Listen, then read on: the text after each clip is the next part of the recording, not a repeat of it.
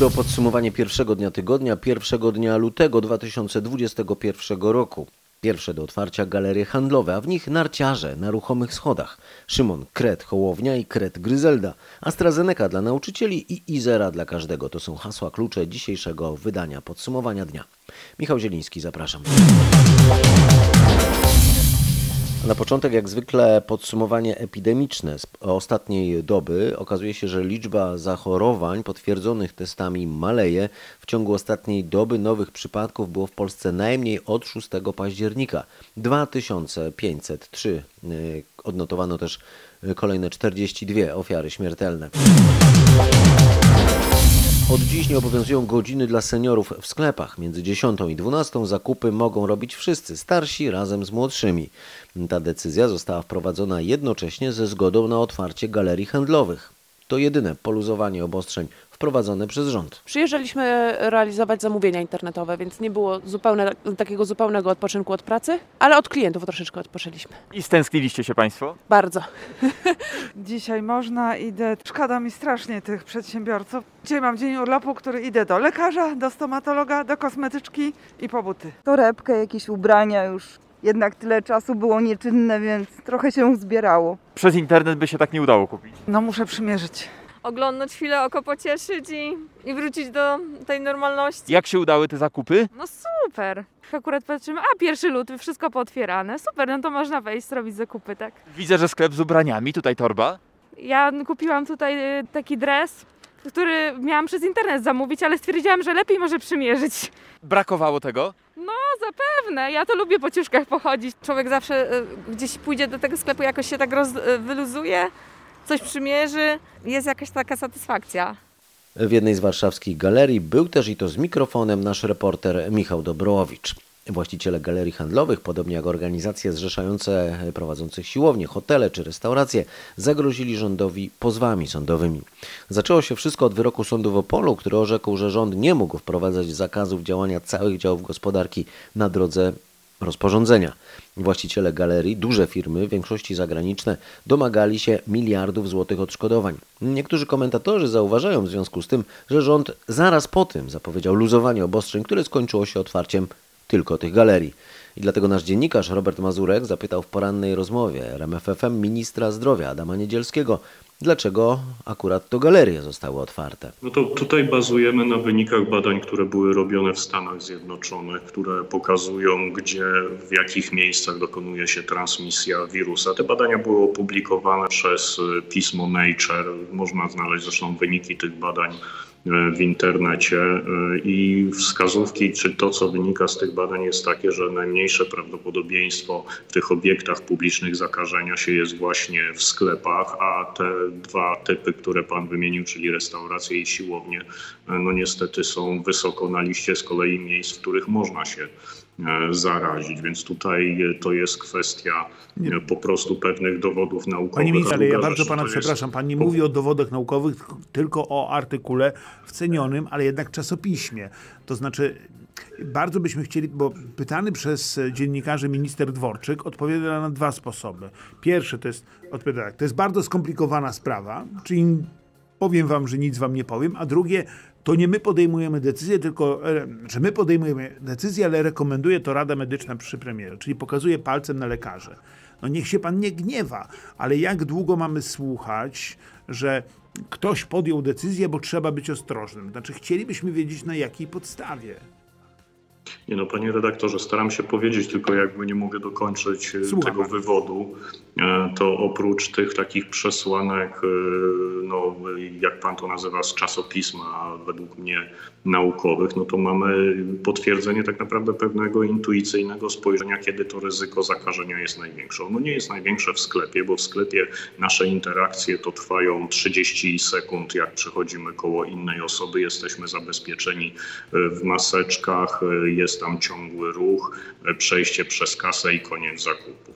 Natomiast w restauracji sytuacja wygląda no kompletnie inaczej, to znaczy e, po pierwsze jesteśmy bez maseczki, po drugie e, jesteśmy tam w interakcji, jeśli można tak powiedzieć, godzinę czy półtorej, bo to zależy na ile kto przysiądzie, rozmawiamy ze sobą, czyli dochodzi do emisji, do wydalania aerozolu, w związku z tym ten potencjał zakażenia jest większy. No i to samo można powiedzieć w siłowni, gdzie się przebieramy, gdzie się pocimy, gdzie jest przyspieszony e, oddech e, i tak dalej, i tak dalej. Więc to, to, to są po prostu no, takie pewne oczywistości, ministrze, które czy- potem w tych Pani- badaniach są potwierdzane. To panie ministrze, y, re- hotele, no i restauracje, siłownie, czy oni też mają jakąś perspektywę, którą pan wyrysuje? Znaczy ja, panie redaktorze, właśnie z tych względów e, potem dyskutowania ja nie będę tutaj kreślił jakichś takich e, scenariuszy, które są warunkowe. Potem pojawiają się nowe czynniki i decyzja jest nieco inna, ale jest racjonalna, ale oczywiście pojawia się potem e, dyskusja, dlaczego tak, a nie inaczej. Ja, ja, ja myślę, że tutaj niestety ja nie będę takich prognoz przedstawiał. Minister zdrowia Adam Niedzielski przekazał naukową i intuicyjną argumentację na rzecz otwarcia galerii. Nie ocenił przy tym, jak się ma ryzyko zakażenia w sklepie do niebezpieczeństwa na stoku narciarskim. A taką ocenę z korzyścią dla stoku przeprowadzali dziś e, natomiast narciarze i robili to w galerii w Katowicach, no bo stoki są zamknięte. Wymogi sanitarne, jak widzę, spełnione. Rękawice, gogle, chustka na szyi. I kask. Jestem pełni zabezpieczony. Co narciarz ubrany w strój narciarski robi w centrum galerii handlowej? Przechadza się, Bo bo y, chcę pokazać, że, że jest coś takiego nadal jak narciarstwo i że nadal y, że, i że chcemy jeździć na nartach i, i ktoś nam zabrania to uprawiać. Te stoki mogłyby być otwarte, skoro galeria jest otwarta i tłumy ludzi, jak widać na załączonym obrazku, się tutaj przechadzają. Z narciarzami w galerii handlowej w Katowicach rozmawiał Marcin Buczek. Na żyjący z narciarstwa mieszkańcy górskich miejscowości coraz bardziej obawiają się przyszłości. Stoki nie działają, ale na Podhalu otworzyły się już dziesiątki, a może nawet setki firm.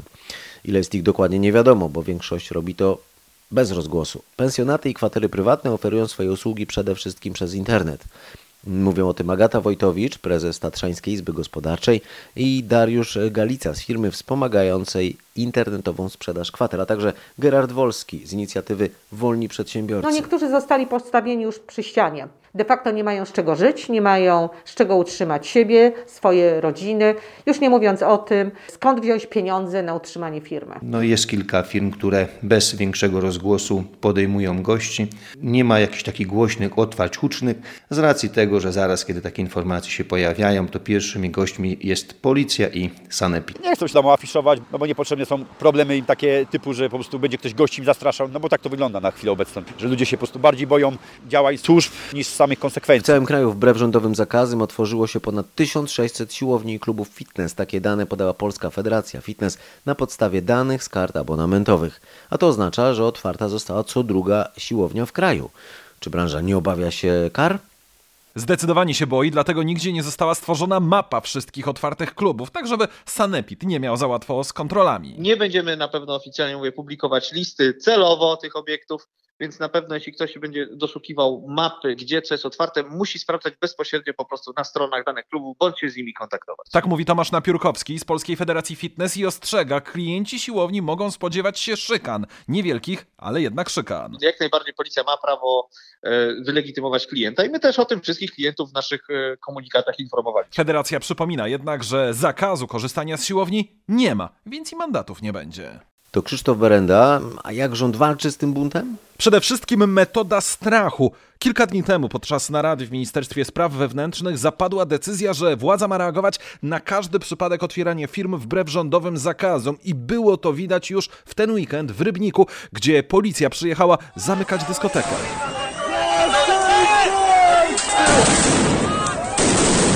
Tak właśnie to wyglądało. Policja zamykała dyskotekę granatami hukowymi, gazem i bronią gładkolufową. E, Do innych otwieranych firm e, ma wchodzić Sanepid i dawać po 30 tysięcy złotych kary. Skarbówka ma od razu sprawdzać wszystkie księgi, a strażacy dochowanie zasad bezpieczeństwa. Dodatkowo policja może karać gości danej siłowni czy restauracji za brak maseczek albo za brak dystansu. Przyjrzyjmy się zatem wspomnianym zajściom w Rybniku. Po nocnych e, zamieszkach trzy osoby usłyszały prokuratorskie zarzuty. Jednocześnie rybnicka prokuratura wszczęła śledztwo dotyczące samej działalności klubu. Szczegóły zna Marcin Buczek. Chodzi o atak na policjantów oraz słowne znieważenie jednego z nich. Cała trójka została zatrzymana w czasie zajść w rejonie klubu. Spokój wrócił, kiedy policja użyła tam gazu łzawiącego oraz hukowych granatów. Właściciele klubu twierdzą, że działania policji były prowokacyjne i bezprawne. Klub, mimo zakazu, otwarto ponad tydzień temu. Niedługo potem do prokuratury w Rybniku wpłynęły dwa prywatne doniesienia dotyczące stwarzania ewentualnego zagrożenia epidemiologicznego. Dlatego wszczęto śledztwo. Teraz prokuratura czeka na przekazanie jej przez policję dokumentów dotyczących zajść z minionego weekendu. Właściciele ponad 50 restauracji i innych lokali gastronomicznych w Poznaniu mm, zapowiedzieli, że otworzą dziś swoje biznesy. E, Są zrzeszeni w ramach inicjatywy Poznańskie Veto. Z właścicielem jednej z restauracji, Jakubem Wilczyńskim, szefem restauracji przy ulicy Półwiejskiej, chwilę po kontroli pracowników Sanepidu e, rozmawiał nasz reporter Mateusz Chłystun. Co sprawdzali? Czy lokal jest y, przygotowany zgodnie z obecnymi przepisami? Zagrozili panu jakimiś karami? Jeszcze nie, natomiast no, powiedzieli, że się pojawią na pewno. Tu u pana można wejść, zamówić, zjeść na miejscu? Trzeba dzwonić do nas. Y, Nie robimy żadnych warsztatów, dlatego że wczoraj po uzgodnieniu z prawnikami stwierdziliśmy, że nie ma sensu wydziwiać z jakimiś dodatkowymi rzeczami. Jest wyraźnie napisane, że jest to niekonstytucyjne. Lokal możemy prowadzić, więc na takich zasadach, trzymając tylko żółtego reżimu sanitarnego.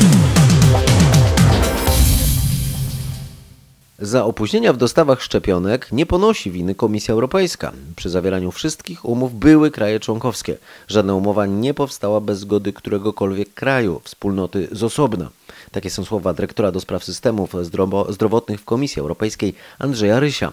Rozmawiała z nim nasza brukselska korespondentka Katarzyna Szymańska-Borginą. Przedstawiciel Komisji Europejskiej powiedział wyraźnie, że takie kraje jak Polska korzystają na wspólnych zakupach, także jeżeli chodzi o ceny, a dobre ceny oznaczają, że budżety wszystkich państw są w stanie udźwignąć ciężar zakupów dla całych swoich populacji. W dodatku kupowanie szczepionek poza Unią nie ma sensu, bo i tak takie umowy mogłyby zostać zrealizowane tylko po umowach unijnych, czyli na przykład w przyszłym roku. Jest też problem z mocami produkcyjnymi. Po pierwsze, no gdzie są te, te szczepionki, które można by było kupić? E, Jest szczepionka chińska, e, jest szczepionka Sputnik. Pyta retorycznie Andrzej Ryś. Ani szczepionka chińska, ani rosyjska nie są zatwierdzone przez Europejską Agencję Leków i jedynym unijnym krajem, który gotowy jest je stosować są Węgry. Cały wywiad naszej brukselskiej korespondentki Katarzyny Szymańskiej-Borginą z Andrzejem Rysiem znajdziecie na naszej stronie w internecie rmf24.pl. A szczepionki koncernu AstraZeneca, które jak się okazało nie nadają się zbytnio do szczepienia starszych osób, mogą dostać w Polsce nauczyciele. Więcej na ten temat wie Mariusz Piekarski. Preparat firmy AstraZeneca nie był badany na wystarczająco dużej grupie najstarszych osób i nie ma dowodów o wysokiej skuteczności w tej grupie wiekowej.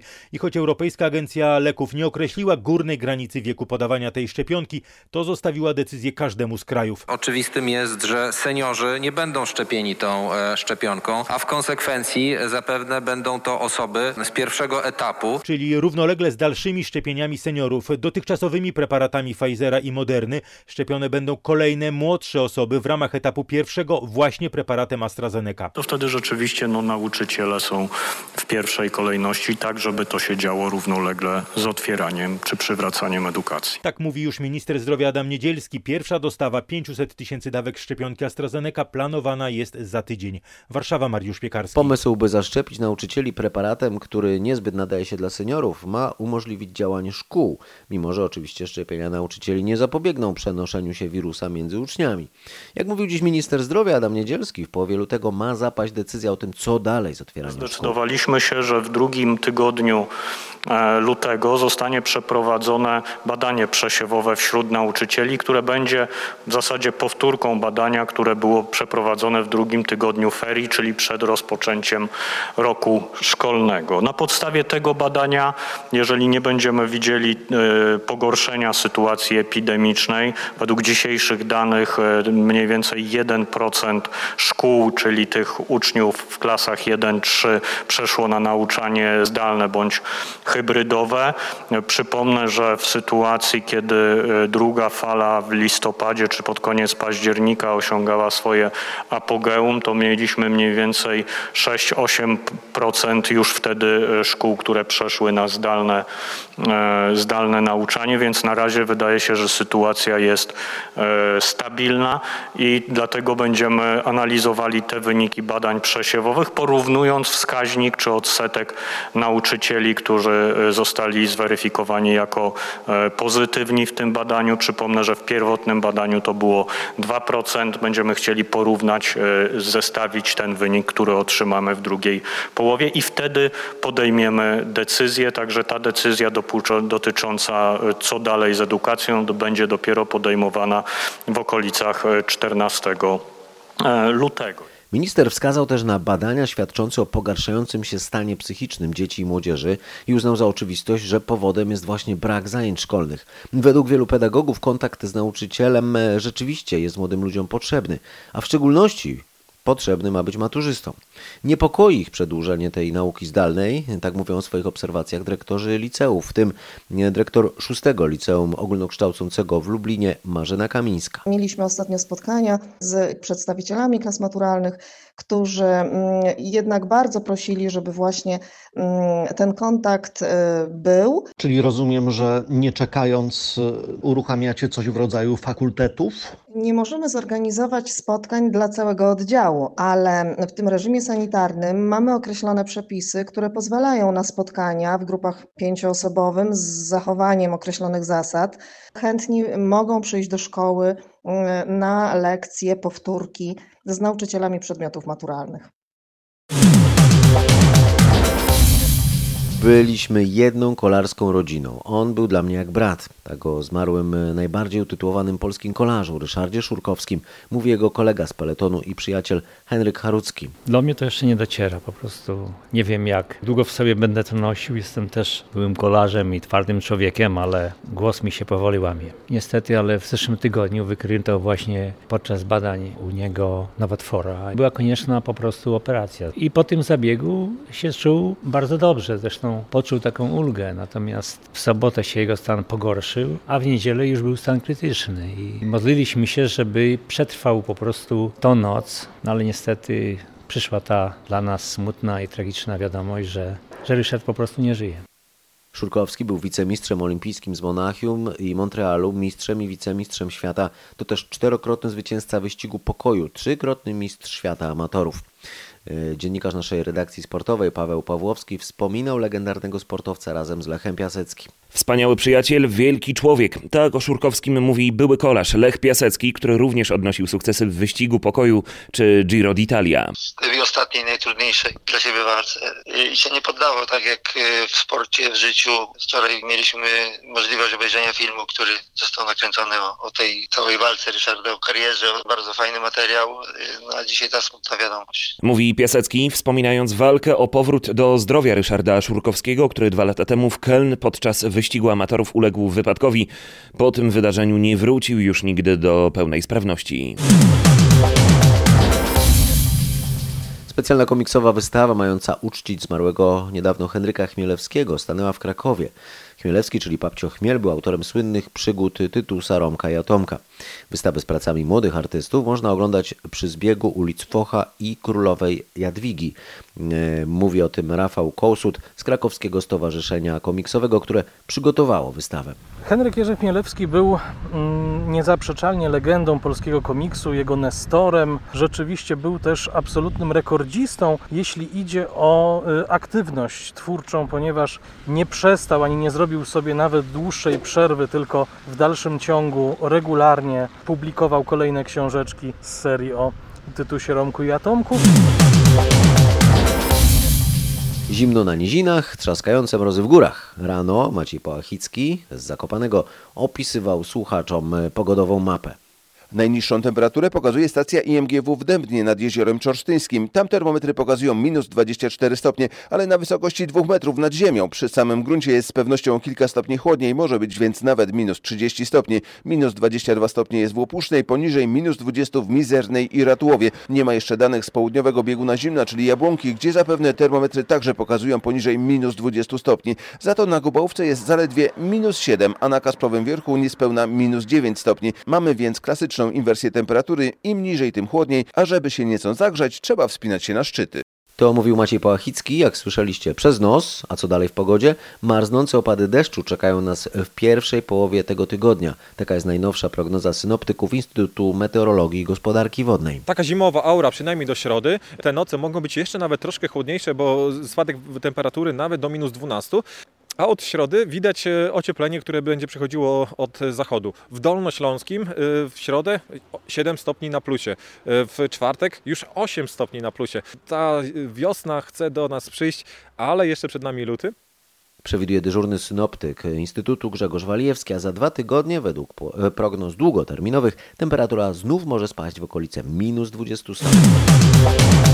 A teraz gorące emocje polityczne, draństwo, nikczemność i podłość. Tak Piotr Zgorzelski z Polskiego Stronnictwa Ludowego komentuje w RMF FM polityczne transfery do ugrupowania Szymona Hołowni i dodaje, że jego zdaniem, jeśli ktoś podbiera posłów z grona opozycji, to sam z tej opozycji się wyklucza. Jeżeli pan Szymon Hołownia chce być takim kozakiem, to niech podbiera Prawo i Sprawiedliwości posłów i wtedy będzie działał na rzecz opozycji. Teraz jest to po prostu działanie szkodnicze. Jest to takie działanie faceta o mentalności kreta. A mówi pan to ku przestrodze, czy rzeczywiście em, są takie ruchy, które e, zmierzają do tego, żeby wam e, kilka osób przynajmniej podebrać? Nie wiem, panie redaktorze, nie siedzę w głowach swoich posłów. Wiem, że za większość naszych parlamentarzystów mogę ręczyć, ale osobiście, jak powiedziałem, działanie e, takie odbieram bardzo e, alergicznie. To jest działanie na szkodę opozycji, to nie jest działanie męża stanu, to nie jest działanie lidera opozycji. Polski elektryczny samochód powinien podobać się na całym świecie, mówi twórca prototypu włoski projektant Roberto Piatti, założyciel studia Torino Design. Wyjaśnia, że badania preferencji polskiego klienta były wyznacznikiem tego, jak ma wyglądać to auto. Źródłem technicznej inspiracji był krajobraz gór izerskich, ale przy tworzeniu samochodu brał pod uwagę globalne gusta. Izera wygląda jak klasa premium, zachwala Roberto Piatti i dodaje, że kluczową cechą samochodu, zarówno SUVa, jak i wersji hatchback, jest wrażenie wielkości. To wrażenie jest wyjątkowe i powoduje, że auto wydaje się należeć do wyższego segmentu. Jestem bardzo zadowolony z proporcji i kształtu SUVa i hatchbacka. Wyglądają jakby należały do wyższej klasy. Przejrzyste, ale złożone powierzchnie komunikują cechy produktu premium. Uważam, że elektryczna motoryzacja ma szansę działać tylko przy zastosowaniu przemyślanej, szerszej skali, synergią między planowaniem rządu, infrastrukturą producenta i dystrybucją energii. Dlatego właśnie zafascynowała mnie polska decyzja o stworzeniu przedsięwzięcia o nazwie Electromobility Poland. Dzięki takiemu dopasowaniu i dobrej organizacji ten zamysł przerodzi się w rzeczywistość. Uspokajał sceptyków Roberto Piatti. Cały mój wywiad z włoskim projektantem jest na rmf24.pl. Budowa fabryki elektrycznych samochodów ma ruszyć w Jaworznie jesienią, a pierwsze Izery według planu mają być dostępne w 2024 roku. Ruszyło przyjmowanie wniosków do rządowego programu 500. Kto chce od czerwca nadal dostawać 500 zł na każde dziecko, musi złożyć odpowiednie dokumenty. Na razie można to zrobić tylko przez internet. Można zatem wszystko załatwić bez wychodzenia z domu. Żebyśmy mieli płynność y, otrzymywania świadczenia, to do końca kwietnia. Jeżeli złożymy wniosek w czerwcu, to dostaniemy też wyrównanie z miesiącem czerwca włącznie, a więc będziemy czekali na wyrównanie.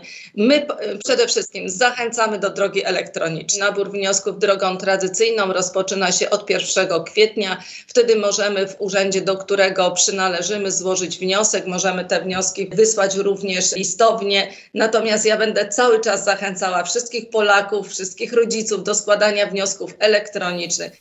Powtarzała minister rodziny i pracy Marlena Maląg. Poszukiwane jest imię dla Wielkiego Wiertła. W marcu ma ruszyć drążenie tunelu pod Świną w Świnoujściu.